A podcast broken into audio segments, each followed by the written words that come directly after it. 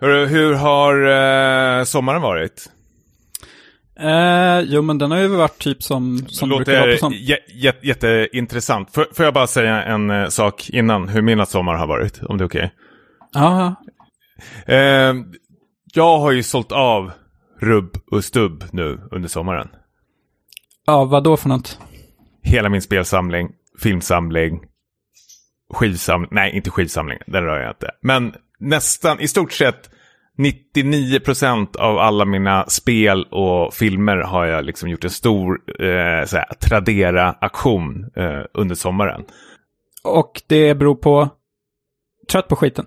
Ja, trött på skiten. De har ju mest bara stått i en så hylla och varit typ så här, Jag glömmer aldrig bort när min fru eh, såg den där hyllan för första gången någon, eh, i min lägenhet och sa vad är det här för troféhylla liksom. Eh, det, det, det är inte supersexigt. Jag tyckte det var väldigt så här, fint eh, förut att kanske ha spel och eh, filmer och sånt framme. Men eh, jag tycker det ser för jävligt ut i eh, inredningen nu faktiskt. Böcker tycker jag faktiskt är jättefint när folk hör har framme. Av någon jättekonstig anledning. B- böcker åldras eh, jättebra. Bokryggar och sånt. Men hur som helst, vi ska inte prata så mycket om eh, inredning utan det får lämna åt någon annan. Eh, jag har en liten händelse. All, all den här aktionen som har skett då har ju gått så här, hur bra som helst. Alltså då menar jag att liksom, det har inte varit några liksom, konstiga kunder, eller kunder, det är som jävla Walter White här.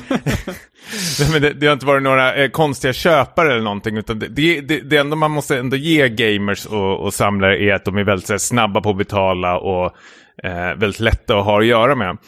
Eh, tills en dag då jag eh, får ett meddelande från en av köparna eh, där han frågar om han kunde komma förbi och hämta produkten istället för att jag skickar den. Och det har jag som alternativ att man får göra, så jag har ingenting problem med det. Så jag skriver absolut, det, det är bara eh, komma. Han har ju min adress och får upp den och allting på eh, det här Tradera. Eh, samma dag så får jag samma meddelande ifrån min granne som frågar vill du gå ut och ta någon bärs, lunchöl i eh, området där jag bor? Det är klart man tackar ja till det. Hallå? Ja, Plingar till i telefonen igen. Då är det den här killen som ska hämta produkten. Eh, och han är vid en station, typ så här, vad kan det vara, 15 minuter från där jag bor. Och frågar om inte jag kan liksom ta mitt feta arsle och liksom komma ner dit och lämna över. Det är en sån här liten, jag ska säga vad jag ska sälja för något också. Det är en liten sån här convert-kassett till Super Nintendo. Kommer du ihåg med Honeybee eller vad de hette? Som man kan spela liksom NTS-spelen. Jag råljuger och säger jag är hemma med tre barn och kan inte lämna lägenheten. Ops, jag har inte tre barn. Nej. Men det låter ju väldigt bra att använda sina barn som vapen tycker jag också. Eh, så jag säger, nej men tyvärr, jag är hemma med barn så du får jättegärna ta och komma över hit eh, faktiskt. Tyvärr, så är det bara. Och han säger, ja men visst, inga problem. Och så tar det väl 10, 15, 20, 30 minuter. Och så ringer det till sist. Och jag går ner och möter den här killen vid porten. Och det första jag ser är liksom en, en ung kille, kanske 30-årsåldern eller någonting. Långt, svart, liksom så här spretigt hår och han har liksom så här, hans kläder är helt så här sönderrivna. Eh, han har liksom, jag ser på hans händer att de är så här, eh, smutsiga, lortiga, han saknar liksom framtänder. Han, han har varit med om mycket. Mhm. Och jag öppnar och han får sin produkt. Han har ju betalat i förväg och allting. Eh, så han ska egentligen bara hämta över den. Jag har ju fått pengarna. Och det är 140 spänn eller någonting vi pratar om. Och när jag pratar med honom lite och man kollar läget och som man gör, tycker jag ändå. Eh, så märker man ju att han, han mår ju inte bra, eh, den här snubben. Och jag får sån jävla ångest eh, att jag har tagit de här 140 spänn. För jag ser ju på direkten att det här är ju en kille som behöver de här pengarna egentligen. Men så har han köpt den här jävla grejen av någon jävla konstig anledning. Och sen när han går iväg, det här är ju, det här är också en kille som jag liksom tvingat upp från stationen hem till dig. Så ser man att han haltar i- iväg liksom. Han har ju ont i kroppen. Så hans liksom fot liksom släpar iväg. Och då mår jag ju ännu sämre. Och då står jag där med mina pengar digitalt då. Och han har ju fått den här kassetten för 140 spänn eller vad det är för någonting. Det är ju skitpengar. Eh, inte för alla, men kanske för mig För just då kände jag. Och kände så här, nej men fan, behöver jag verkligen de här pengarna? Alltså är det så jävla viktigt? Alltså det här, han kan lika gärna få de här pengarna och behålla kassetten. Jag kunde, jag kunde inte bry mig mindre liksom. Så jag tar upp telefonen, eh, för jag tittar ut, jag står kvar i porten, jag är helt så här, försenad över vad som har hänt. Att, nu, det, det, här, det här känns inte liksom etiskt okej okay, faktiskt. Så jag tar upp telefonen och tänker så här, jag ringer honom för jag sticker ut huvudet och då har han liksom så här krönat iväg och tänker så här, ja, men jag ringer honom och försöker få stopp på honom. Men så plingar det till i telefonen och så är det min granne som säger Hej, ölen håller på att bli varm, vart är du?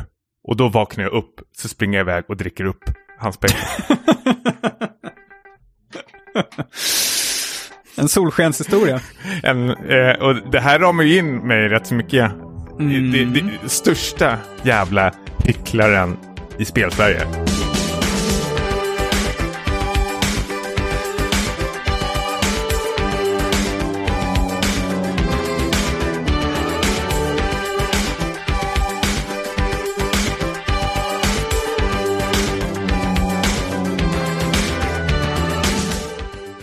Då säger jag hej och välkomna till avsnitt 93 av den här kritvita spelpodcasten med mig Tommy Jansson och eh, Niklas Lundqvist. Jag tror du skulle säga den kritiserade podcasten.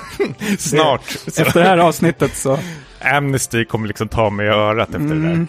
det där. Uh, ska jag ha dåligt samvete över det här? Nej, jag tycker att du ändå liksom...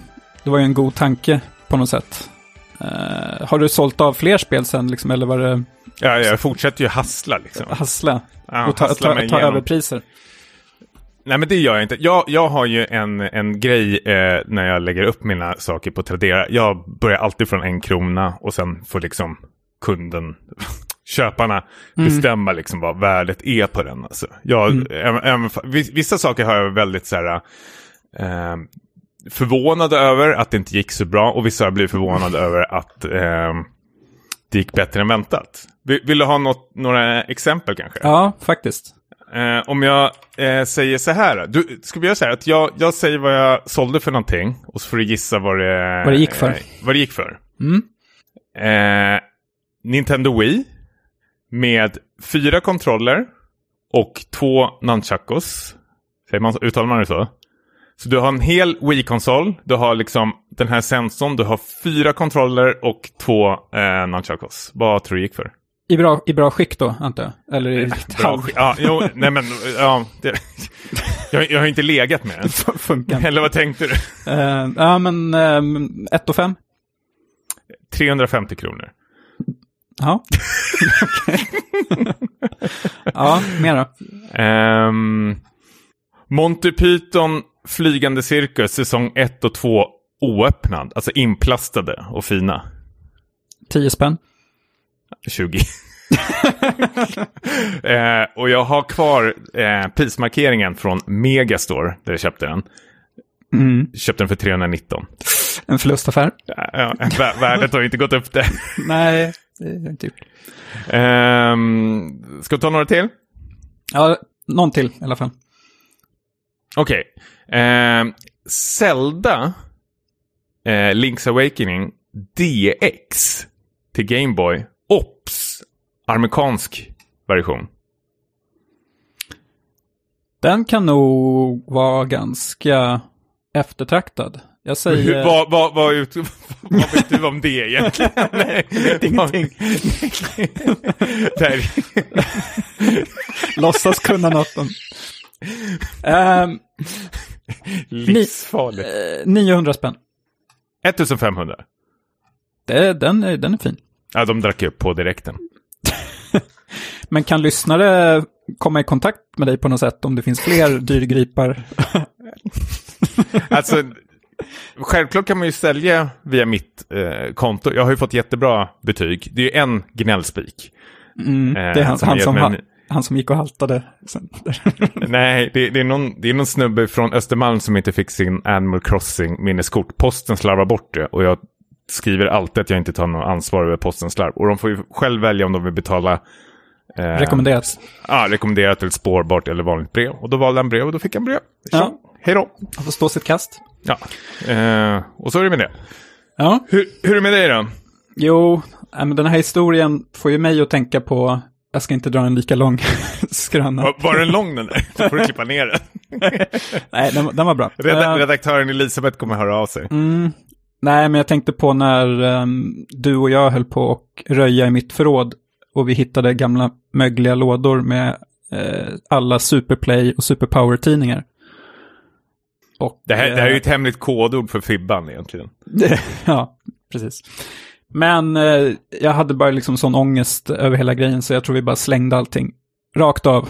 Jag kände att det, det här får jag inte plats med liksom i mitt nya liv. Eh, jag vet inte vad Tobias Bjarneby hade tyckt om det. Han är ju aktuell återigen nu med sin nya tv-serie för övrigt. Mm. Eh, men det känns lite som att de här tidningarna, jag vet inte vart de är idag, men det, det hade kanske varit fint att spara dem ändå. Nej, absolut inte. De har väl blivit någon jävla mattebok nu förhoppningsvis och gör någon nytta. Göra nytta till skillnad från Ja, vad innan. fan, jag kommer ihåg hur du bodde i din jävla ungkarlslägenhet. Och jag ska inte säga någonting emot, jag hade ju också lika. Men det, blir- det, blir, det, är, ju liksom, det är ju bara skit alltihop. Det liksom så att damma ihop sig.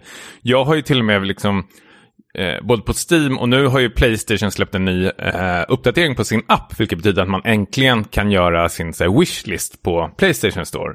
Så du kan följa liksom spel och eh, när spel går ner i pris. Jag, jag, för, jag förstår att, det, att det, folk kan tycka det är kul att samla det, det ska jag verkligen inte ta ifrån någon. Men för mig eh, funkar det inte längre och jag känner att eh, eh, jag gillar att göra hellre kanske deals då eh, som oftast dyker upp eh, digitalt tycker jag ändå. Eh, jag, jag tycker att, eh, nu har jag till och med blivit så att jag köper oftast ett spel när det har funnits ett år eller någonting. Eh, mest på grund av tid, att jag inte hinner spela lika mycket, men också för att liksom man, det, det finns mycket bättre deals då och spelet är väl liksom mer komplett då. Eh, det kan ju liksom vara allt ifrån liksom så nästan 90 procent eh, rabatt på vissa liksom AAA-spel. Jag såg ju nu till exempel, jag har, jag har inte spelat eh, Assassin's Creed Origins än som jag varit småsugen på. Hela liksom så deluxe-paketet kostar liksom 140 spänn nu eller någonting. Det är ju som hittat.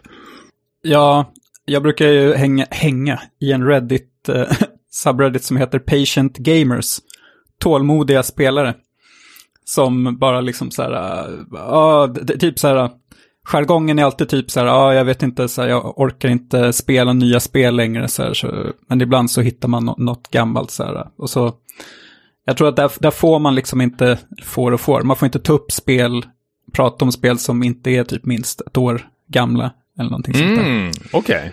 Så den tråden är ganska trevlig om man gör lite upptäckter där och man känner att man sitter lite i samma båt som de här. Alla, jag misstänker att alla är typ så här närmar sig Mm. 40, 40 någonting. Jo, men fan är det inte så samtidigt? För du och jag eh, pratade ju väldigt, eh, eller vi hade väldigt höga förväntningar på det här Alien-spelet som nu har släppts. Eh, Fireteam Elite, som de bytte väl till i sista sekunden. Och det jag tittar på ser väl så här hur kul ut som helst, men spelet som alla andra liknande spel liksom föds med liksom massor med barnsjukdomar och det är väl inte så här helt optimerat och helt klart. Eh, och jag känner att det är helt fine eh, och det verkar ha sålt bra så, bra, så liksom de här spelutvecklarna ehm, eh, får ta sin tid nu känner jag. Eh, hur lång tid nu än kommer ta och sen kommer jag liksom köpa det och liksom få en bättre, förhoppningsvis, eh, bättre produkt. Men sen kan du ju gå i bet på de här också. Jag har köpt ju till exempel det här ehm, eh, Baldur's Gate Dark Alliance-spelet som precis har kommit ut. Eller kom ut, precis har kommit ut. kom ut i sig somras. Ett tredjepersons looter eh, fighting-spel eh, som man kör co-op. Och det vart ju typ så här toksågat när det kom ut och det är liksom ingen som spelar det längre och vad man än läser så står ja, men, typiskt att folk liksom skriver sig dead game, dead game. Och nu har det blivit liksom, jag har följt de här developernas på eh, Twitter och liknande, eller eh, vad, vad är liknande egentligen, Steam då. Och nu har det bara blivit helt dött sen början av augusti, att inga uppdateringar eller någonting alls. Och då börjar alla liksom spekulera att liksom har de bara liksom tystas ner sig själva för att liksom fokusera på att fixa till den här produkten eller har det liksom att ah, men shit, det är ändå ingen som spelar här så det är lika gärna bara ge upp och eh, gå vidare till nästa spel. Ja, man kan, man kan missa tåget liksom om man väntar för länge för då... Eh, ja, men de stänger ner servrar kan de väl göra också om det, om det är ett sånt typ av spel. Ja, ja men absolut, precis. Ehm, så, så det, ibland, i alla fall när de är sådana här lite mindre AAA-spel, om man nu ska kalla det för, så är det lite köpa grisen i säcken som jag känner att jag eh, gjorde i detta fall. Att jag tänkte jag köper det här, så blir det som en stöttning och så håller vi bara tummen att det blir bra i längden. Men nu verkar det bara otäckt eh, såhär, tystnad. Nästan så gräver ner huvudet i sanden-känsla. Ja. Men hoppas tråkigt. att det inte är så. Eh, jag hoppas att det, det löser sig, för jag är jättepeppad på det. Men, men ska vi prata om det som du nämnde eh, för mig häromsistens, att du har börjat spela World War Z, apropå att vänta på rätt tillfälle. Ja men absolut. Eh, jag och tre kompisar plockade upp det här spelet för det var gratis på Epic Games Store faktiskt. Och jag, jag vet inte, det, det släpptes väl, rätta mig om jag har fel, kanske 2019 eller någonting om jag eh, inte helt missminner mig. 2020 kanske. I alla fall, jag tror i alla fall har två år på nacken. Och det fick väl helt eh, okej okay betyg, men jag har liksom, det har bara flugit förbi i periferin för mig, och, eh, men nu plockar vi upp det. Och liksom, det är ett spel med liksom eh, som är färdigoptimerat. Det är liksom fullt med DLC-saker, har vi massor med banor, eh, balanseringarna på vapnen och allting är liksom så här packat och klart. De, de ska inte liksom uppdatera det här spelet mer, utan nu fokuserar de på den här, eh, jag vet inte, expansion, uppföljaren Aftermath som kommer komma nu i slutet av december, äh, september. Men det här är ju ett vanligt liksom eh, Left for Dead fast i tredje person. Du ska ta dig från punkt A till B och på den här vägen så ska du göra massor med så små uppdrag. Det kan vara allt ifrån att eh, eskortera en buss eller kanske eh, jag vet inte, öppna dörrar i rätt ordning eller någonting. Att det finns lite små pussel på vägen. Men viktigast av allt är att du har dina liksom, kompisar med dig och att ni ska samarbeta genom den här banan. Och eh, det som gör att det här sticker ut, som jag tycker att det är lite bättre än kanske Left 4 Dead, är att du har dina klasser, eh, sju Styckna är väl kanske klasser, alltifrån typ så Medic, Demolition, ja men de vanliga klasserna egentligen. Du levelar upp de här klasserna i olika perks, du kan liksom fiffla och fixa till din gubbe. Eh, man kan även levela upp sina vapen så de blir starkare. Man kan sätta på silencer på sina vapen för att liksom, här, ta sig fram lite tystare. Och det har även liksom implementerat det här som är med i World War C att de här zombiehorden som kommer, ibland kan det vara att man ska liksom försvara ett ställe. Och det, det, har de gjort väldigt, väldigt snyggt och skickligt. Men att det kommer liksom hundratals zombies samtidigt och så ska man liksom skapa någon slags barriär eller bygga något skydd och så klättrar de upp för de här staketet eller stängslet eller väggarna och bygger de här mänskliga, eller mänskliga, men zombiepyramiderna och klättrar upp på varandra och det gäller liksom stoppa det snabbt och det går så jävla snabbt ibland. Och jag har skit, eller vi har ett eh, skitkul med det här spelet. Det är absolut, det, det gör kanske inte något nytt eller någonting, men eh, det är, det är vad det är och det gör det väldigt, väldigt eh, bra egentligen faktiskt. Så om man eh, letar efter ett fyra spelar zombie shooter-spel så tycker jag absolut man ska kolla in det här. Men rekommenderar ett spel med vänner faktiskt. Men hur nära följer det här filmen då? Eller det kanske är boken rättare sagt som det bygger på, jag vet inte. Jag har inte läst boken faktiskt, men är inte boken bara en journalist som sitter och intervjuar massor med folk typ? Jo. Fast det är ju lite mer um, mm, levande än så att man får se att det är mycket Eh, men den är lite som filmen, lite mer globetrotting-grej, att du, det kan, varje nytt kapitel är på en ny plats och så. Okej, okay, sure. Ja, men det, det har du rätt i, för här är det liksom fem kapitel och du, jag tror så här, första kapitlet är väl typ eh, New York, eh, andra är eh, Jerusalem och sen har vi liksom Tokyo, Moskva. Nej, men du rör dig runt i hela världen och varje liksom kapitel representerar liksom Alltså du, du, spelar liksom fyra huvudkaraktärer som representerar liksom den kontinenten eller det landet. Så när du kommer till Japan så har du Hey Hiroyoshi, where are you going? ja, men, ja, men för, för det pågår ju fortfarande, jag spelar ju det här uh, Earth Defense Force uh, World Brothers just nu, vilket också är så här Globetrotter-spel, att du åker runt i världen och så plockar upp liksom dina bröder, vad man ska kalla det för, och alla liksom kommer från eh, olika nationaliteter och det här är ett spel som är gjort eh, av eh, japaner. Men de har ju tolkat eh, varje nationalitet med så här grova penseldrag. Att liksom när du hittar en amerikanare då hittar du liksom en snubbe med cowboyhatt och liksom här well, where's my cheeseburger? Och sen när du hittar någon från Afrika då är det liksom och börjar liksom så här ja. ja, och har de någon slags sån här, äh, vet du, infödingkläder eller någonting sånt där. Så de har ju liksom, äh, och sen försöker jag ändå kolla upp det här på internet men det är ingen som har liksom reagerat på det äh, alls.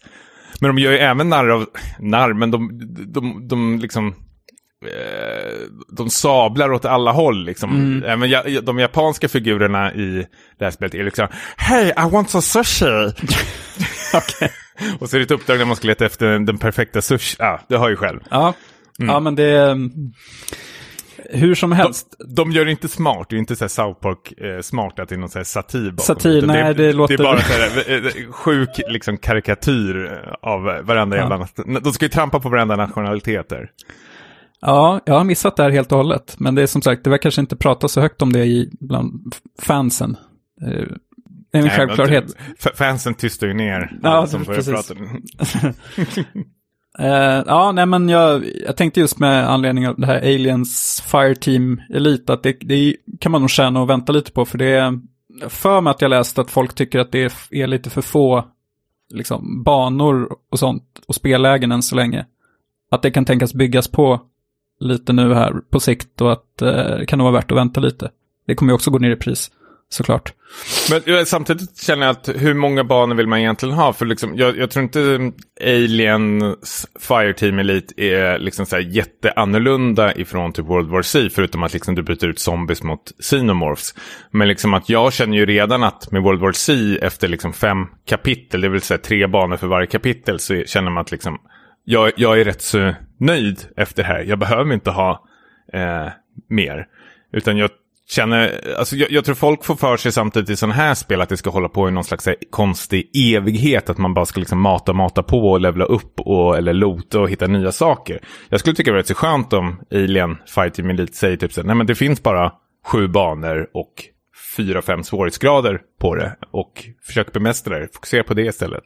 Ja, en kampanj helt enkelt. Ja, nej, liksom men precis. Uh, för om du liksom ska trycka in, eller ska skapa in liksom 20 banor till, då är, finns det ju liksom stor risk att det bara upprepar sig. Liksom.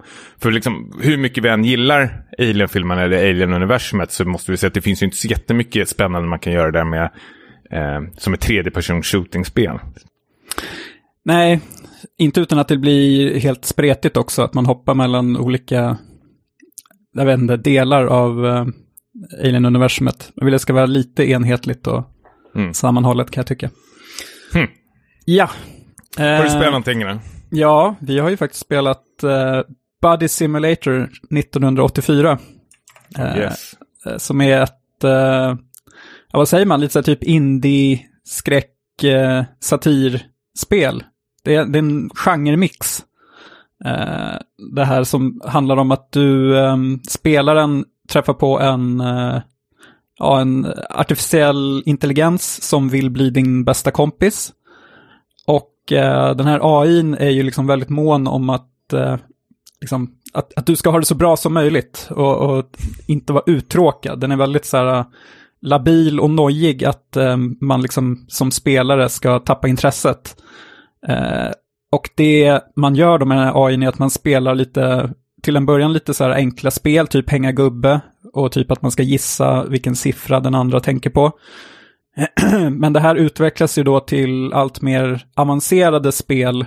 Ehm, och det är väl lite av tjusningen i det här spelet att kanske inte säga för mycket om vart det här tar vägen. Men man kan väl säga att det, det, det leker med lite olika genrer som sagt.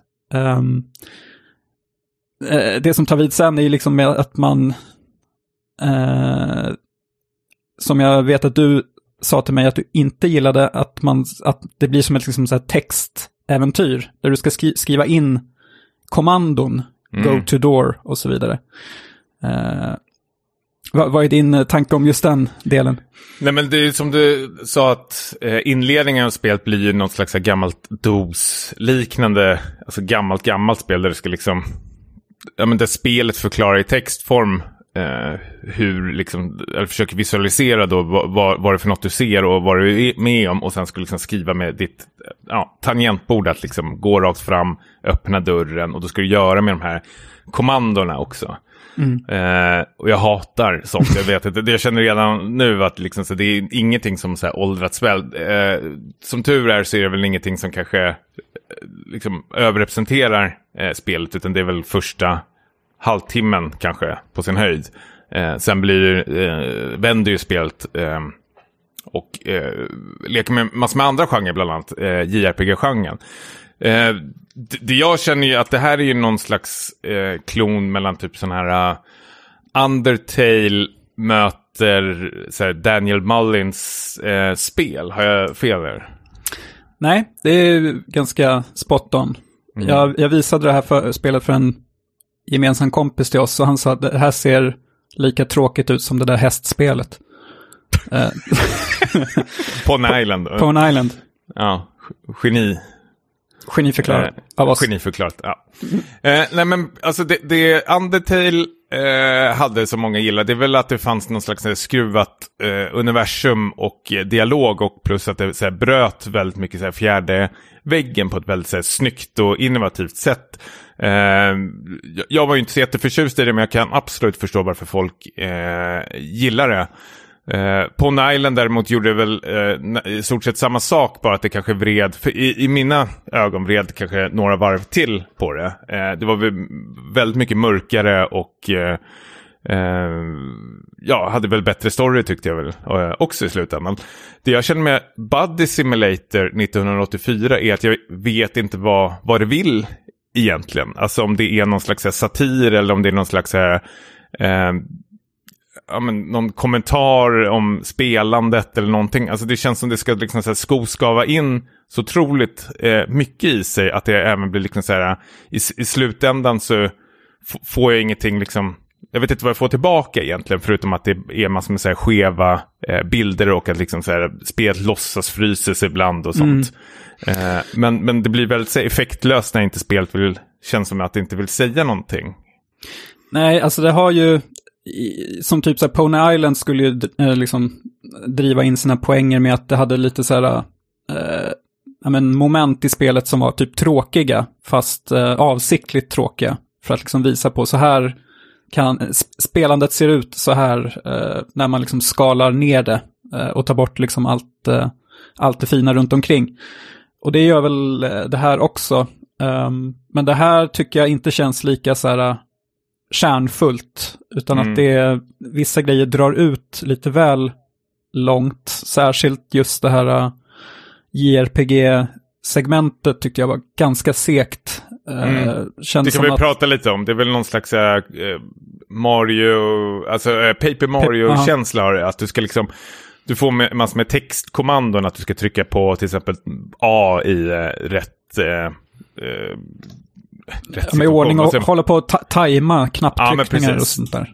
Eh, och vilket det känns i vissa fall otroligt, otroligt så här, otydligt. Jag känner mig som en farbror liksom, som tittar ner på tangentbordet och börjar leta efter vissa bokstäver och allting. Eh, och i början var det väl lite så här finurligt och, och kul, men jag tycker så här, i, i, efter liksom en timme då är jag rätt så mätt på det redan mm. och vill bara att det ska försvinna från spelet. Men det känns som han som har gjort det här känns så jävla smart och bara liksom ta med det. Eh, till liksom slutet av spelet. Liksom. Han ville mjölka det. Mm. Allt han kunde. Uh, ja, jag kände så här, om det här var något som jag hade spelat för typ fem år sedan så skulle jag nog varit uh, enormt imponerad och tyckt mm. att så här, det här var otroligt uh, fräscht och uh, liksom banbrytande. Men lite som du har varit inne på så har vi ju, vi har ju sett de här grejerna i, i flera andra spel. Uh, ja, men Undertale och Pony Island, det här med liksom så här äh, fjärde väggen som sagt och att det liksom kraschar eh, och hela den biten och att liksom det känns som spelutvecklaren har en direkt dialog med, med spelaren, typ mm. lite så här. Eh, Men den känns ju aldrig smart eller liksom så här finurlig eller någonting sånt där. Eh, och det, det jag liksom irriterar mig på är att liksom när, när jag spelar klart spelet så vet jag liksom inte vad jag varit med om. Vilket betyder liksom att jag börjar söka på internet och kolla om jag är helt ensam om de här, den här upplevelsen. Och det, det, som händer, eller det jag märker då, är att det, det, finns ju liksom en andemening i spelet. Det finns en bakgrund, eller det finns ju någonting spelet vill berätta för oss. Men för liksom för oss spelare för att kunna liksom hitta eller läsa in det, då måste man hitta liksom, liksom små gömda eh, pusselbitar, vad man nu ska kalla för, i, i spelet. Som sen liksom sparas på din hårddisk, på din dator. Och om du inte hittar alla dem så liksom förlorar du liksom, då, då har du missat hela storyn tydligen. Och nu ser jag att dina ögonbryn är två meter.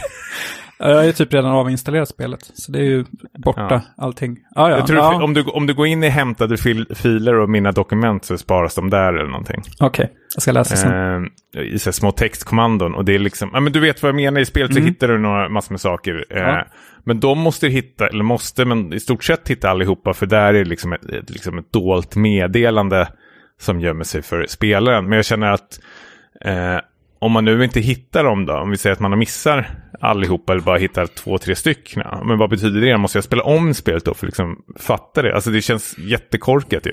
Mm. Det känns ju om, jag, om till exempel att jag ska se en film och så har regissören klippt bort en massa med scener och gömt dem. Och så måste jag liksom gå ut och leta efter dem och sätta ihop det sen. Uh, uh, jag vet inte. Uh, jag måste säga att jag är besviken faktiskt. Mm. Ja, alltså jag, jag var positiv i början. Jag mm. gillade ju mer det här liksom, textkommando-biten. Eh, även fast just den, den, den, delen känns också helt lyft rakt från ett spel som heter Stories Untold, som jag pratade om i späcket för ett par år sedan redan. Eh, men att den liksom, i början så hoppar den mer liksom så här till nästa grej ganska snabbt. Men sen blir det lite så här typ nöjt med sig självt och lite så här bekvämt. Och då tappar jag intresset lite och inget spel som jag liksom körde i längre sjok, utan jag tror jag tog en paus typ efter en timme åt gången hela tiden. Och det här liksom, den här AI-kompisen frågar ju ändå så här lite oroligt så här, why are you quitting, are you not having fun? Så här, jag nej, jag, jag har inte så himla kul direkt. Mm. det var ju tyvärr det, måste jag säga. Ja, men, en, du, ja. Nej, men för, förlåt, nej, men det är som du säger att AI börjar hålla på att ställa massor med frågor när man ska liksom ta en paus från spelet. Och i början vill man ju, det är någonting i en som liksom vill, även fast man kanske säger att just nu är det inte så kul så vill man ändå vara snäll Trö, någon konstig anledning. Ja, mm. precis. Och skriver så här, nej men jag har kul men blablabla, jag måste stänga av typ. Men sen blir jag så jävla irriterad på det här som dyker upp hela tiden. Och då är liksom, då, då skriver jag, ja, men precis som du, bara, nej jag har det inte kul. Jag vill, ja, jag vill stänga av det här nu för jag vill göra något annat. Nej men jag, jag, jag håller med dig, eh, absolut. Jag spelade också så här max en timme, sen vart man rätt så mätt eh, och var tvungen att ta en eh, paus. Mm. Men ja, alltså om man gillar sådana här spel då, liksom som typ Pony Island och The Hex och liknande så kanske det är värt att, att kolla upp, även fast ingen av oss tyckte att det här var lika bra, men Buddy Simulator Nej, det... 1984 som sagt på, på Steam. Men det, det, är ganska långt ifrån topparna i den här genren tycker jag. Absolut, eh, men återigen det har ju fått typ uh, överväldigande pos positiv serie mm. till och med på Steam. Så liksom folk verkar i stora lag eh, älska det. Ja, vilket jag är lite så här, har ni spelat de här andra spelen i, i genren? Jag känner så, ja, men de har eller... ju det. Det är många som liksom säger, åh, äntligen en spirituell uppföljare till liksom Undertale och... Okej. ja. börjar, börjar bli orolig. Mm. Hur mår ja, spelvärlden? Hur mår spelvärlden? Uh, på tal om hur mår spelvärlden. Får jag, får jag bara göra en snabb instickare? Vi lämnar Buddy Simulator nu va? Mm, ja. Uh, jag har ju köpt det här uh, Master Chief Collection och uh, börjat uh, spela igenom Halo-spelen. Mm -hmm. Har du spelat Halo? Känner du till, känner till, till fenomen, känner till fenomenet Halo? alltså jag har spelat ettan eller tvåan som en sån här co-op-upplevelse från mm. början till slut. Men jag kommer inte ihåg vilket. Jag har aldrig haft en Xbox så nej, det har inte riktigt varit möjligt tyvärr. Nej men precis, vi är ju också från en sossefamilj så man fick bara välja en äh, konsol. Så, vilket gjorde att jag valde Playstation. Eller jag fick mm. till och med köpa det själv äh, av mina vidriga föräldrar. Nej, det tar jag tillbaka. Äh, så, så, jag var ju inte heller med om den här äh, Halo-grejen. Jag provade Halo 1, kommer inte ihåg om jag spelade igenom det. Men Eh, hur som helst var jag ju väldigt glad nu när den här Master Chief Collection kom ut på eh, PC. Så nu har jag suttit och väntat till alla de här spelen ska liksom släppts eh, färdigt. Liksom. De har släppt dem liksom i hook hela tiden till PC. Så nu finns de ute, eller funnits ett tag i alla fall. Så jag och en eh, kompis eh, som inte heller har spelat dem eh, plockar upp det. Och vi tänkte att vi kör dem i eh, kronologisk ordning och då menar vi i story-kronologisk ordning, inte hur spelen eh, släpptes. Eh, så vi börjar med liksom Halo Reach och liksom halvvägs in i spelet nästan så känner vi att så här, eh, men det här är inte så kul. det, det, det, det, det är rätt så trist. Liksom så här, det, är bara, det, det, det, det är typiskt sådär gammalt shooterspel.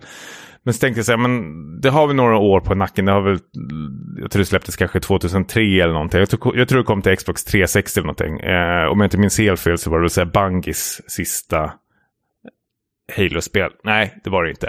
Hur som helst, eh, men då gick jag in på en, jag älskar ju sådana här tier-list där folk liksom rankar saker. Och då gick jag in och var, var bara sugen vad folk tyckte liksom, om, om eh, Halo-spelserien.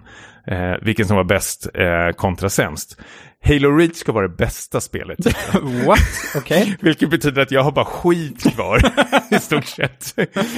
och jag, jag, jag, vet inte, efter jag läste det och berättade för min eh, kompis som jag sitter och spelar med så bara, jag vet det bara dog ut. Eh, jag har ingen sug att eh, komma tillbaka till Halo Reach eh, eller de andra Halo-spelen heller. Alltså jag tänker, Halo-serien är väl så uppskattad för sin story. Alltså många, många gillar väl eh, Master Chief och hela den biten. Det är ingenting jag, som du... Jag fattar ingenting vad som händer. Det är as, alltså så här, nej, jag, nu har jag ju bara spelat Reach. Eh, men Han kanske inte liksom... är med där. Nej, det är han inte. Nej, Nej precis. Um, utan nu spelar väl några andra. Jag vet inte om no någon av dem kanske blir Master Chief efteråt. Fan vet jag. Nej men där, däremot måste jag väl ändå säga musiken är eh, mm. fem plus. Alltså nu har jag bara lyssnat. Jag har ju lyssnat på Halo originalmusiken lite så här. Eh, ja, lite grann då, inte så supermycket. Men ehm, eh, Halo Reach-musiken, alltså den är helt jävla galen. Alltså. Den, den är helt otrolig. Eh, så det skriver jag verkligen på. Eh, jag vet inte om det är han, vad heter han, Daniel?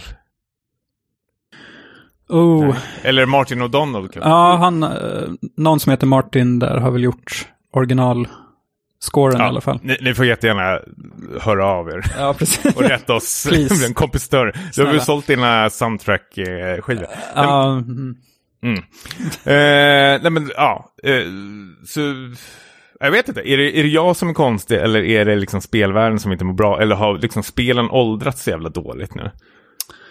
Eh, alltså, jag vet inte. Jag tror att det är mycket liksom hur mycket man uppskattar typ det universumet lite. Jag spelade ju återigen, tjatar om aliens, men det här Colonial Marines som ju alla hatade och tyckte var en supermedioker shooter. Det tyckte jag var kul att spela om just för att det är ett alien-spel. Jag tror inte att jag skulle upp, tycka att det var så kul att spela Halo ja, heller, liksom. Uh, om jag ska vara ärlig. Det är väl en genre som liksom åldras ganska dåligt. Är det som typ Goldeneye spelar man väl inte idag heller. Det är väl nästan från samma, samma mm. era. Ja men precis. Uh, och jag tänker så här, då börjar jag tänka tillbaka, att ett av ditt och mina favoritspel som inte jag har spelat på så här 20 år, Silent Hill 2, sätta det i handen på någon idag som aldrig har spelat det. Mm. Ja, det hade nog varit en upplevelse ändå tror jag. Ja, jag det hade ju spöat skiten ur den här personen som sa att såg det.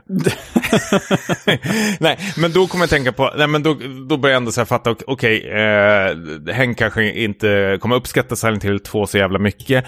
Däremot börjar min hjärna dra ett extra varv och tänka vad de har gjort nu för Resident Evil-serien. Och jag tänkte så här, fan, jag vill se ett Silent Hill 2 eh, remake. Varför, vi, varför är det ingen som har bett om det? Alltså bara ta in de här, vad fan heter de? Blue Point kanske de heter va? Som mm. gjorde Demon Souls. Ta in dem och bara liksom ge dem sjukt mycket pengar och sen får de göra om eh, Silent Hill 2. Och sen Silent Hill 3, så fick jag spela Heather. Ja, oh, just det.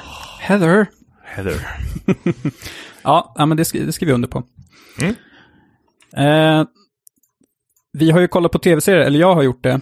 Eh, som jag tänkte bara dra här.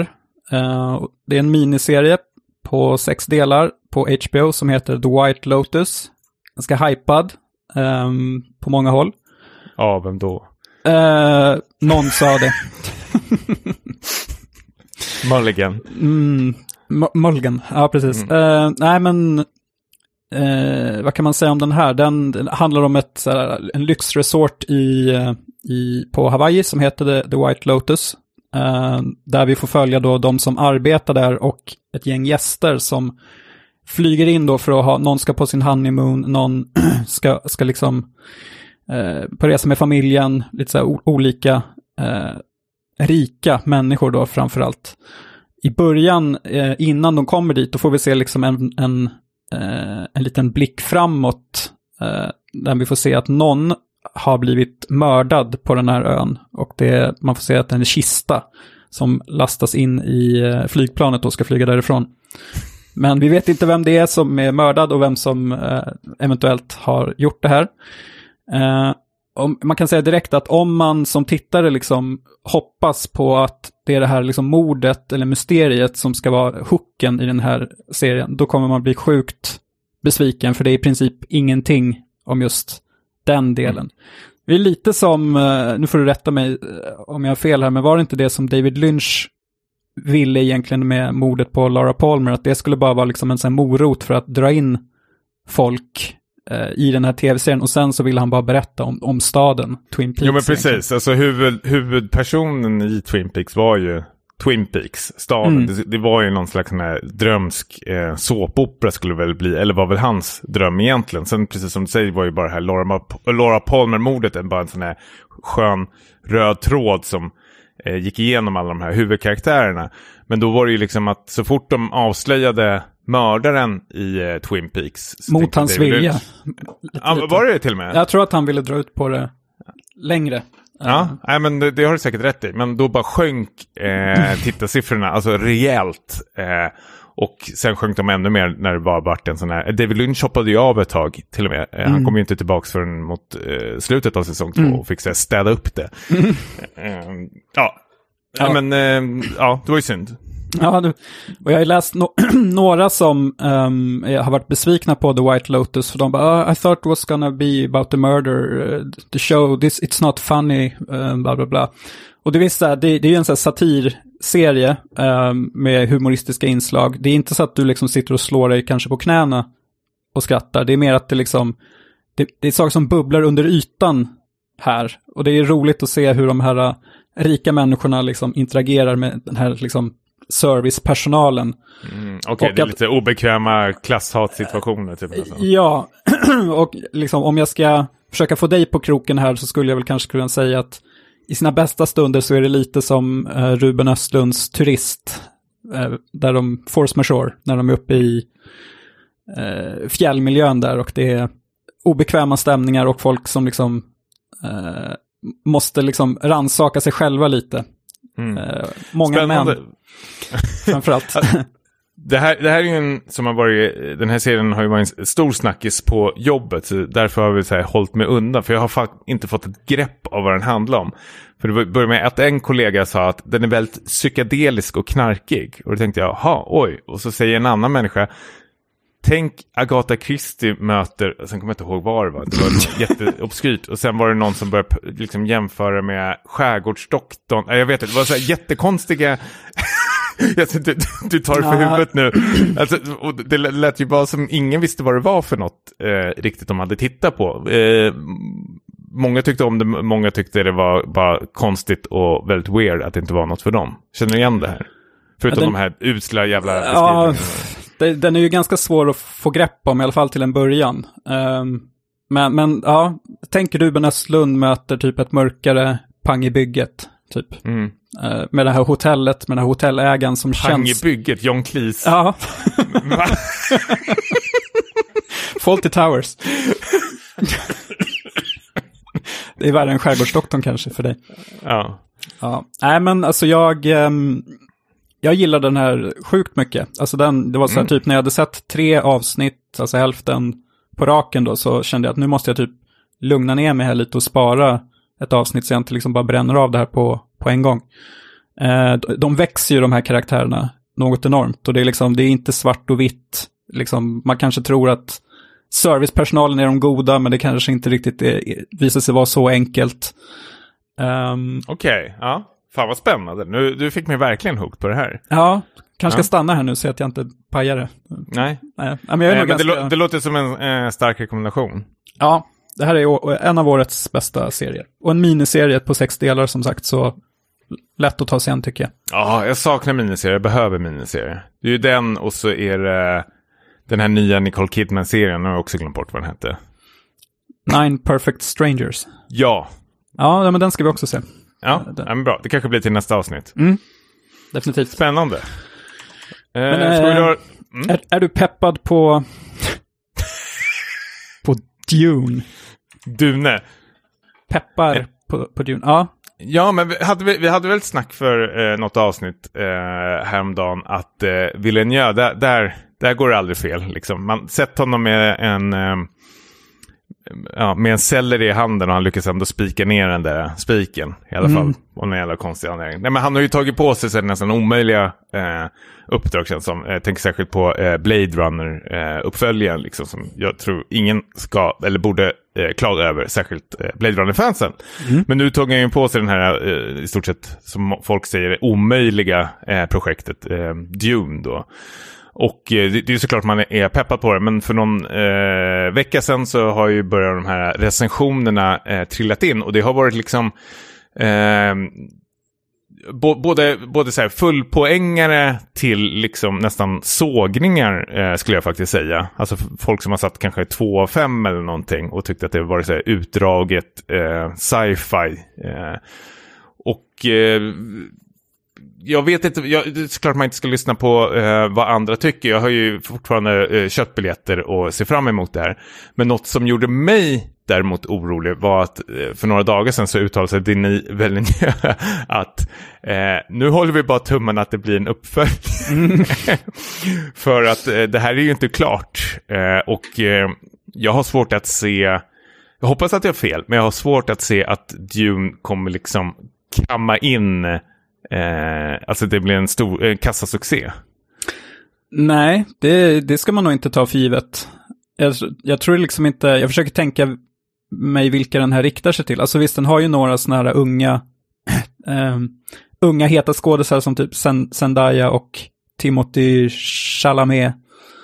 Som kanske kan dra in vissa, liksom, liksom de yngre tittarna, men det känns mer som att det här är något som riktar sig till den lite äldre och bekväma delen av publiken. Kanske de som gillade Blade Runner 2049 och det var ju ingen liksom så här kassasuccé har jag för mig. Mm. Eh, Alltså, jag vet att jag, jag måste nog ändå, jag, jag förstår och hör vad du säger, men då måste jag nog, eh, för, för jag, jag ska se det här med en kompis, eller gemensam kompis med eh, dig och mig. Eh, och jag försökte få honom att se eh, Green Knight tillsammans med mig. mm. Eh, men han eh, hoppade av i eh, sista sekunden och sa nej, den verkar för mycket en visuell upplevelse. Alltså att det, han, han menar med att det verkar inte vara så mycket story, det verkar bara vara eh, fina kameravinklar eh, och det orkar inte jag titta på, utan han vill väl ha något eh, storybaserat eller action eller något liknande. Ehm, och däremot hoppar han på den här Dune-tåget på direkten och jag frågar, vet du vad det ger dig in på? För någonting jag tror Dune inte är, det är väl att det kommer vara en tung sci-fi action. Det här är väl liksom ett... Eh, jag, jag kan ingenting om Dune-universumet nästan. Jag bara spelade det top-down-spelet för jättelänge sedan. Ja, Eh, real time strategy. Dune ja, men 2. precis. Mm. Ja. Eh, alltså, Alltså, jag, jag, jag, jag tror det kommer vara väl någon slags person, personporträtt, men det handlar väl all, om alla de här familjerna liksom. Och, eh, det blir väl någon slags Game of Thrones i rymden, för att liksom, uttrycka det slarvigt. Fan vet jag, men det är väl det jag får känsla utav.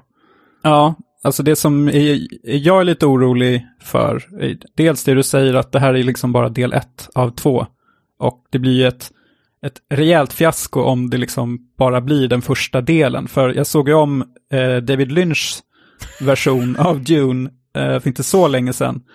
Och den är ju i princip, säg att den är typ så här två timmar lång. Första eh, 90 minuterna är ju ganska så sammanhållen, ganska bra film, ty tycker jag ändå. Och sen sista halvtimmen är i princip bara ett, så ett montage, där han liksom slänger ihop allting som han inte hinner liksom berätta. Alltså det är en hel, liksom, säg att det är Det är flera då han börjar rida på masken. Ja, ja men precis. och eh, som jag har förstått det är det liksom den här sista halvtimmen då, liksom, det, det, är det, är inte ens med i Denis Villeneuves Dune, utan det är det han ska liksom berätta i nästa film. Och kunna liksom göra den delen rättvisa. Eh, så att eh, jag har bara sett, jag har inte eh, sett den senaste trailern, men den, liksom, den här Pink Floyd-trailern. eh, Mm. Där kändes det som så här, uh, blev jag lite så orolig. Pink, så Pink Floyd säger vi för att det är väl Brief eh, cover som spelas i bakgrunden. Ja, ja, ja precis. Eh, men där kändes det så här, oj, jag känner igen typ alla de här scenerna i trailern känner jag igen från, från David Lynch-filmen. Så, här. så jag hoppas att han har liksom mer, mer att komma med än, än att det är bara liksom snyggare versioner av dem. David Lynch-filmen Mm. är ju jäkligt konstig, vilket är kanske inte förvånan, förvånar någon. Så jag hoppas att den här, att Denis vågar liksom ta ut svängarna lite, men ja, jag vet inte. Jag, jag är Alltså- inte 100% säker på att det blir en, en succé, men Nej, alltså förhoppningsvis har jag, jag har ju också sett den här Brief-trailern. men förhoppningsvis har de spart på eh, krutet. Men samtidigt eh, är det Desperate Times särskilt för liksom så här, eh, biografer och eh, minst, om inte minst liksom produktionsbolag. Eh, därför har ju typ så här, du har ju hamnat i någon slags eh, Ritz, eh, twist eh, liknande att eh, HBO Max ska väl visa den här på tv eller någonting i eh, staterna, dock inte i Sverige. Eh, om jag inte har helt fel. Eh, och vilket Den- Denis Villeneuve har blivit så här, skitförbannad eh, på. Eh, och då undrar jag liksom så här, de på krutet eller liksom är, är det här som de visar i trailern som verkligen kommer finnas där också för att liksom försöka dra in så mycket publik som möjligt? Mm. Jag tror att typ, eh, det kan ju vara att folk, folk förväntar sig en actionfilm och blir besvikna som jag tror att många blev på Blade Runner 2049. Att de, Mm. trodde, de, de visste inte vad en Villeneuve-film var för någonting. Det Var rätt åt? Övers, övers, Ja, alltså elitister, elitister som sitter här och bara brer ut sig. Vita sci-fi män som ja, tar tillfället i akt. finaste vi har i Sverige. Ja, ja. ja men vi, vi håller väl tummarna. Du eh, och jag har ju köpt eh, biljetter. Förhoppningsvis har väl eh, Bettan också eh, gjort det. Så tar vi den i nästa avsnitt. ja, det gör vi. Eh, vi har sett mer film. Vi har sett eh, film med eh, både du och jag, Possessor. Mm. Eh, det är ju då eh, andra filmen av Brandon Cronenberg som är son till ingen mindre än David Cronenberg. Som vi känner igen från klassiker som typ The Fly och Videodrome på 80-talet. Men Gjort mycket bra film långt efter det också. Vet, en av dina favoritregissörer i alla fall. Ja, det får man nog faktiskt lov att säga. Eh, han, han har ju varit otroligt betydande. Det är väl han och Carpenter som har varit mina, mina husgudar, får man lov att säga. Så jag eh, var ju väldigt peppad på Possessor och eh, om man liksom trodde att han skulle på något sätt liksom försöka gå emot sin, sin pappa liksom och, och göra någon sån här revolt, någon typ av feel film så bör man inte oroa sig för det här är ju typ en, en ren och skär hyllning till David Cronenbergs liksom äckliga sci-fi skräckfilmer som, som han gjorde sig känd på i början av 80-talet. Ehm, och här- följer vi då en, en yrkesmördare som på, på typ så här, lite så här oklara så här Inception-metoder, typ. De lyckas ta sig in eh, i folks kroppar eller medvetanden så att de kan styra eh, människor för att på, på så sätt då nästla sig in eh, i liksom olika organisationer och komma åt liksom eh, svårtillgängliga mål som de sen då eh, mördar. Och, eh, eh, och då får vi då följa, följa den här yrkesmördaren i ett särskilt knepigt, knepigt fall. Eh, där hon ska då ta, ta sig in och eh, mörda en, en högt uppsatt vd då på ett företag. Och eh, jag måste säga, jag hade hört på förhand att den här filmen var väldigt så här våldsam. Och det var ändå liksom ingenting mot, mot vad man fick. Jag tycker att den här filmen, den håller liksom inte tillbaka överhuvudtaget. Det är, det är liksom, det är ögon som petas ut och det är liksom så här, eh, tänder som liksom så här kro- krossas. Eh, och det är sjukt, sjukt våldsamt. Eh, Känner du att det är någon slags effektsökeri i det hela eller är det en del av eh, ja, kon- Ja. konstnärens eh, uttryck? om- Jag tycker liksom att det passade in i, i storyn. Ehm, Visst, det är klart att det liksom, det, han vill väl kanske liksom bräcka farsan på, på något sätt. Liksom att eh, typ, han måste ju ta, ta det ett varv längre på något sätt. Mm. Men jag tycker inte att det blir så att det blir liksom fånigt, utan jag tror att det, det liksom, den har den där obehagliga stämningen, eh, mycket så här, samma teman som sagt som i, i David Cronenbergs filmer med typ så här body horror, att man inte liksom kan kontrollera sin kropp och hela den biten. Och sen, så det är skräck möter ett intressant sci-fi koncept. Mm. Så, Alltså, ja. Jag, jag tycker väldigt eh, tuff värld eh, han, har, han har byggt upp utan att liksom berätta så mycket om den, eller nästan ingenting alls. Även de här, hur liksom den här sci-fi-delen i världen fungerar, hur man tar sig från andras skippar utan liksom de lämnar det liksom därhän. Och jag tycker något som är skickligt, eh, som vissa filmskapare kan lyckas med, är att liksom man som publik bara köper allting eh, helt plötsligt. Bara för att den här dystopiska världen är bara uppbyggd så att den, den är väldigt gritty, den, den är väldigt otrevlig och man, man vill inte leva i den. Och då börjar man kanske ifrågasätta mindre sådana här småsaker, men hur funkar det här eh, teknologiskt och allting sånt där. Utan det, det är bara eh, join the ride liksom, utan det, det, fokusera inte på det. det. Det är ju samma sak, någonting som jag tyckte var så jävla skevt, det är en av de här huvudkaraktärerna eh, du får följa, eh, som, som blir eh, besatt av den här yrkesmördaren, om man nu eh, säger, om man inte ska säga för mycket. Men att han lever väl i något slags så här schysst, flottigt, nästan så här Patrick Bateman eh, hem eller någonting. Men sen om man han tar sig till sin arbetsplats så är det väl någon slags här konstigt industrilager nästan han jobbar på där de bara ska sitta och stirra eh, på en skärm.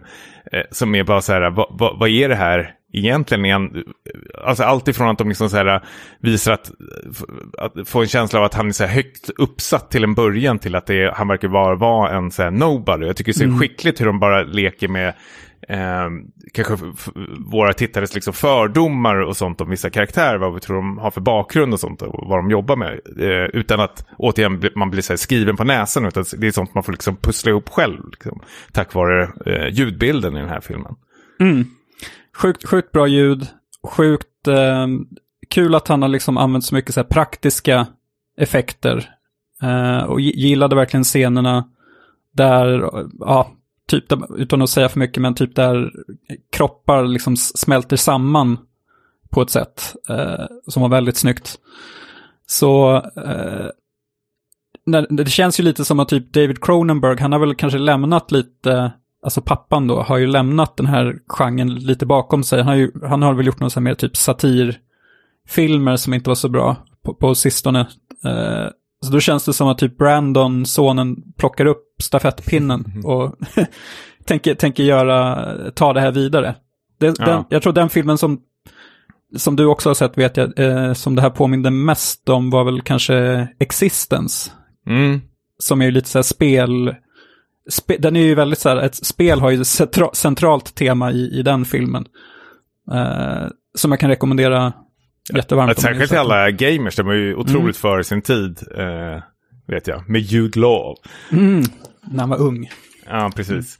Eh, nej men alltså, jag, det jag ändå gillar, eller saknar kanske i moderna filmer som jag eh, gillade med den här också, är att det känns som de har byggt upp väldigt mycket sådana här eh, fake eh, människokroppar för att sen kunna liksom så här, bryta sönder dem eh, i närbild. Jag vet att typ Cronenberg har väl så här uttryckt sig att, eller, om, eller är det, det kan lika gärna vara så här Paul Verhoeven, han är väl exakt eh, likadan, att de gillar liksom så här hur, hur människokroppen liksom fungerar. Om man bryter av ett finger, liksom, vad är det för något som händer då med själva liksom, kroppen och benen och allting, vad är det för något som sticker ut. Och det är sånt de liksom kan lägga så här, supermycket tid och energi på vid sina eh, lite äldre filmer, vilket känns som han, eh, eh, sonen då, ändå tog med sig här också. Det var ju otroligt, otroligt mycket så här, eh, obehagliga närbilder. Absolut inte ses för så här, känsliga eh, tittare faktiskt. Eh, och otroligt, otroligt mörkt eh, slut måste jag säga. faktiskt, det var, och, och, fan, jag bara gapade. Ja, nej men den, eh, ja. Om man tror man klarar av det så, så ser den. Mm. Absolut. Eh, vi har även sett en annan film eh, tillsammans. Eh, vi har sett eh, Hellhouse. Det är du Niklas som har rekommenderat den här filmen. Ja. Nej, så här ligger det till. Vi eh, vi, både du och jag använder den här eh, hemsidan Letterboxd. Eh, det jag älskar med den sidan, alltså nästan mest av allt, är att du helt plötsligt i det här sökfältet kan söka på ja, men så här, inspiring David Lynch movies. Och så kommer det upp så här listor, folk som gör sina egna listor. Och då var det en dag där jag fick någon slags sug på ehm, eh, found footage-filmer.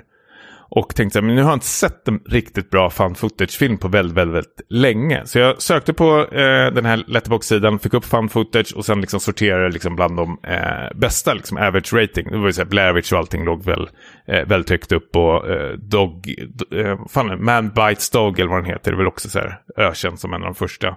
Riktigt bra. Eh, men då kom den här Hellhouse LLC upp. Och jag ska vara helt ärlig, jag har aldrig hört talas om den här. Sen när jag börjar liksom grotta runt lite så märker jag att det är inte en film utan det är tre filmer. Det är en trilogi här och den har ju väldigt så här, tydligt eh, fanbase eh, bakom sig. Eh, så jag tänkte, du, nu, eh, det här kastar jag mig över. Och för att berätta det lite kort eh, så är det en eh, fan footage-film. Det handlar om ett eh, gäng, eh, vad ska man säga, de jobbar som typ så här, eh, de eh, klär upp eh, så här, spökhus inf inför liksom, så här, halloween eh, event liksom, som är väldigt stort i New York, att, eh, till exempel, eller hela USA är jättestort, att man hyr ett hus och sen gör de liksom en, en eh, hinderbana, ett spökhus, och så får liksom människor ta sig igenom och de brukar vara väldigt så, snygga och påkostade. Men så hittar de det här gamla öde, eh, gamla, gamla hotellet liksom som är i ruiner. Och då får man följa den här processen liksom när de eh, ska bygga upp det här gamla hotellet till ett eh, spökhus.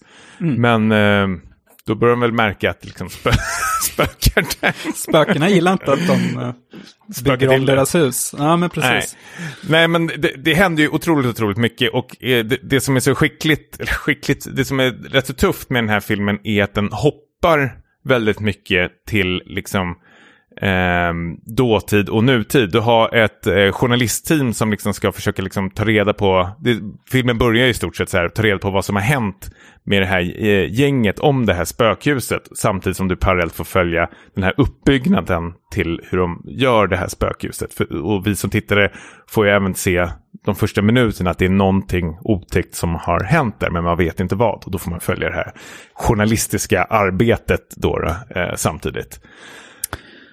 Ja, ja. Jag, jag, hoppar in här. Jag tycker att det var just, uh, säg första fem, tio minuterna, så då får vi ju liksom se vad som händer den här ödesdigra natten då, ja de säger typ 15 personer dog under liksom premiärkvällen på, på det här uh, Hellhouse.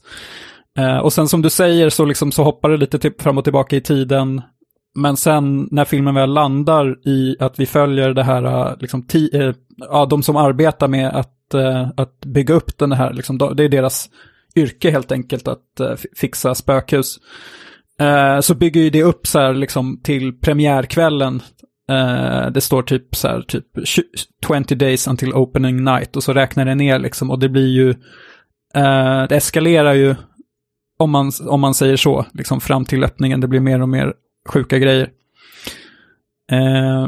ja, men vad tyckte du om Eh, uh, Hellhouse. Nej, men så här, jag... Hellhouse gör inget nytt. Men det den gör, gör den väldigt bra tycker jag faktiskt, om man ska säga så. Jag såg den här eh, mitt på natten med min fru, vi släckte ner och visste inte alls vad vi skulle få. vi hade inte sett någon trailer eller någonting, så vi gick helt eh, blinda i den.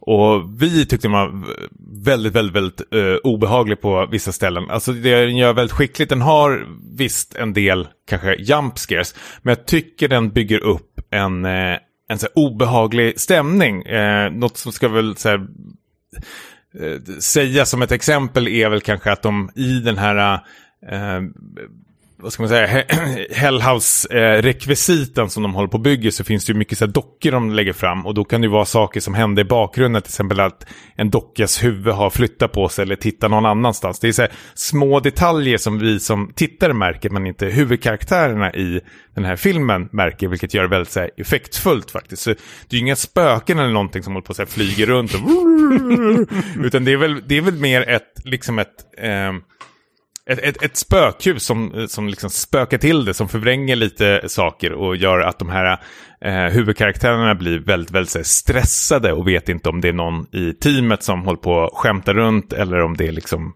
eh, händer på riktigt. Hur, Ja, hur känner du? Ja, men exakt. Alltså man, eh, eh, man märker ju att det är liksom en, en lågbudgetfilm.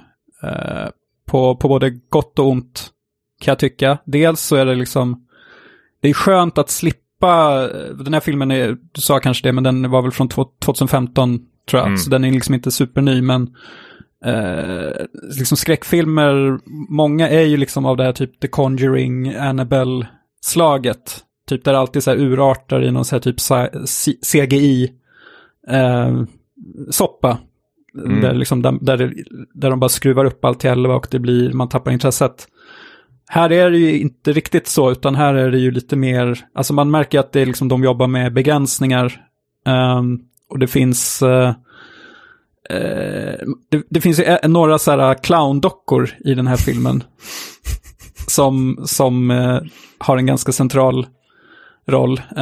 Det, det är liksom, de kör ju liksom mer på sådana här, ja men återigen praktiska, praktiska effekter om man säger liksom så, små saker som, som rör på sig som sagt. Ehm, det, Men jag jag, jag, mm, ja, förlåt, fortsätt. Nej, men det, det som jag var lite...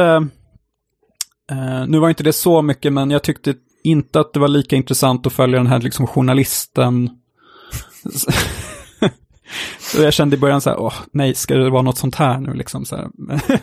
men Hon så, är ju rätt så, så här, osympatisk, jag vet inte hur hon har fått den här journalistutbildningen. För det Nej, är någon det- scen när hon går runt i det här huset så här, och har så här, ingen respekt alls för typ så här, 15 människor som har dött där och går runt så här, trampar Ja. runt och eh, skojar till det och allting. precis. Sen så tyckte alltså jag, jag hade ju gärna sett ännu mer eh, av liksom upp, upprustningen, uppbyggnaden av det här liksom skräck, skräckhuset, hur de liksom tänkte bakom kulisserna. Eh, Det kanske var att det var, blev någon sekvens för mycket där de liksom eh, blir jagade av den här clownen. Eh, det känns som att de mjölkade den ganska mycket där ett tag. Men så finns det samtidigt väldigt så effektiva scener i eh, en så här typ strobe-scen som var ganska eh, suggestiv och sen en scen i ett sovrum under ett lakan som var... Den var fem plus. ja, den var, den visste vad den tog. Ja. Så, Men jag, mm. jag måste fråga, jag har ju sett många sådana här filmer med dig, bland annat Paranormal Activity och Ja, nu vet jag inte, men liknande filmer i alla fall. Och jag vet, alltså jag älskar ju att se de här filmerna med dig, för du drar ju igång någonting. Du sitter ju och håller på och flåsar och skriker och eh, har dig. Hur var det med den här? Eh, alltså, jag får säga att jag såg den här själv i min skrubb. Eh, och det var liksom... Ja, Lever du här Dobie life Ja, under precis. Men, trappen? ja, men det här, här kan ju släcka ner, liksom, och det, det är ganska bra förutsättningar ändå. Mm. Och jag, vid, vid något tillfälle så tror jag liksom hoppade till och slog i liksom, knät i mitt skrivbord. Eh, för att, för att eh, det är ju några jump scares som är riktigt, eh, riktigt jobbiga. Men, eh, och sen det, det som inte kanske eh, nödvändigtvis är negativt för mig, eller jag tyckte att det var rätt skönt, var att jag typ kanske efter halvvägs in började känna lite att okej, men nu, nu, nu förstår jag typ vad, vad den här filmen kan liksom kasta på mig och liksom skrämma mig med. Och då kunde jag, kände jag att jag kunde luta mig tillbaks lite grann och när liksom vi får den här eh, klimaxet på opening night igen, då kände jag bara liksom att jag, att jag kunde njuta och, och inte behövde vara så rädd längre. Mm. Så... eh, Var du nöjd? Jo, men jag var nöjd. Alltså jag tror att ehm, eh, det är inte så många found footage-filmer som jag liksom skulle eh, räknas som riktigt bra. Eh, det, här är, det här är en av de bättre, Mm. helt klart. Ja, Eh, absolut. Men, men nyfiken fråga, för du sa ju sen att nu, nu hoppar jag på hela trilogin. Sen såg jag på Letterboxd att efter andra filmer var du inte lika... Nej, jag, jag ska säga jag såg andra filmen, men jag, jag tycker ändå du ska se den. Jag har inte sett tredje filmen, vi håller på att bygga upp det här hemma, tar mig i eh, lugn eh, takt. Mm. Men, den har en hel del eh, bra scener, eh, den också. Men det, som är så kul med andra filmer är att de har ju tagit sig lite vatten ur huvudet eller fått någon slags hybris som nästan lyser igenom filmen. Eh, och de här skåd alltså, nya skådespelarna som de sätter in, det är ju verkligen så här, porrskådisar känns det som. Alltså det, det är så otroligt dålig dialog och levererat och allting. Så det, det är... Ehm, det är väldigt kul på det sättet. Så jag, jag, tycker absolut att du ska se de andra filmerna, säger jag, utan att ha sett tredje filmen. Men jag tycker det är väl lika bra att fortsätta och avsluta det hela. För den fortsätter ju där eh, första filmen avslut, eh, slutade. Du får ju lite mer svar på frågorna, även fast du kanske inte kommer vara så jättenöjd Även fast jag inte ville ha något no svar. Nej, Nej. Men det, visst jag, det, hade, det hade ju räckt med en film, absolut. Eh, mm. Andra filmen hjälper ju ingenting. Men det är kul i alla fall att se det. Eh, den förstör ju ingenting från första filmen. Nej, precis. Har man börjat, väl börjat så får man väl ta det här i mål, tänker jag. Ja, eh, det ska ju säga, eh, Hellhouse LLC heter den här också. Den finns ju på iTunes att eh, hyra eller köpa för samma pris, vilket är jättekonstigt. Men ja, jag köpte den, det kostar lika mycket att hyra. Och min fru tyckte det var jättekonstigt att vi köpte den. Och jag tyckte det var konstigt att hon ifrågasatte det. Ja. Eh. Kan du sälja sen på, på något sätt kanske längre fram? Ja, just det, för att sälja mitt iTunes-konto. Mm. ja. eh, Nej, men jag tänkte till eh, nästa avsnitt att vi skulle fortsätta i eh, den här fan footage-vågen eh, om du vill haka på. Jag har hittat så här, en japansk eh, film som folk tycker väldigt mycket om som heter The Curse.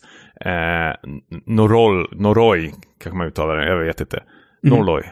Mm. Eh, som finns på YouTube. Så om man söker på The Curse Norloi så eh, finns det där. Vi kan, kan länka den på något eh, sätt också. Den finns ute på YouTube så det borde inte vara superolagligt. Det kan vi göra. Och är den här också, liksom, har den här en, fanbase? Ja, det har den. Eh, alltså, det finns något som heter typ så här... Fan, jag, jag läser det, men det finns liksom en nischad genre i själva liksom så här japanskräckfilm, eller även västländsk också, men det vill säga VHS-skräck kallas det väl för. Eh, att liksom... Eh, även materialet du tittar på ska vara någon slags VHS-kvalitet-aktigt. Att det känns som att spela in från en VHS-kamera. Eller att det ska liksom vara någon slags VHS-involverad i eh, filmen. Som till exempel The Ring är ju alltid att de stoppar in det här VHS-bandet. Och så blir det väldigt effektfullt med den här, eh, vad kallar man, myrornas krig-grejen mm. som liksom brusar mm. fram eh, framför kameran. Eh, och det, det har ju liksom, det visste inte jag alls om för några veckor sedan, men det har liksom växt fram till en egen liksom, subskräckgenre, att folk vill ha sådana här VHS, det kallas för någonting efteråt, jag kommer inte alls ihåg vad det hette för, men vi säger att det, ja, VHS-skräck liksom. Mm. Och då är det ju inte att filmen ska vara inspelad på VHS, utan det ska vara en VHS-känsla. VHS ska ha en väldigt stor betydelse. Men Videodrome, är den, nej den är inte VHS. Nej, eller ja i och för sig, det är, ja, hmm. Tveksamt. Uh, ja, nej, absolut, det kan vi göra. Uh, vi, mm. vi uh, ser om lyssnarna hakar på. Vi kan ju tillägga då att Harry Håle-cirkeln utgår. vi, ja, du och jag var ju supersugna på att köra, men Elisabeth sa nej, jag ska vara med, så ni får vänta till nästa avsnitt med att prata om Hon har mycket att säga om Harry Håles Thailandresa. Ja, exakt. Vi, vi också. Ja, absolut. Ja. Men det tar vi nästa avsnitt. Absolut. Eh, ni hittar oss vart då Niklas? Som vanligt på späckatpodcast.gmail.com eh, Twitter så heter vi späckat och Instagram späckatpodd. Mig hittar man på OneLessNiklas på Instagram och dig hittar man på eh, Stimpas på Instagram och Tommy understreck Jansson på Twitter. Mm. Då får vi tacka då. Mm. I lift my hat off and say good morning. Good morning.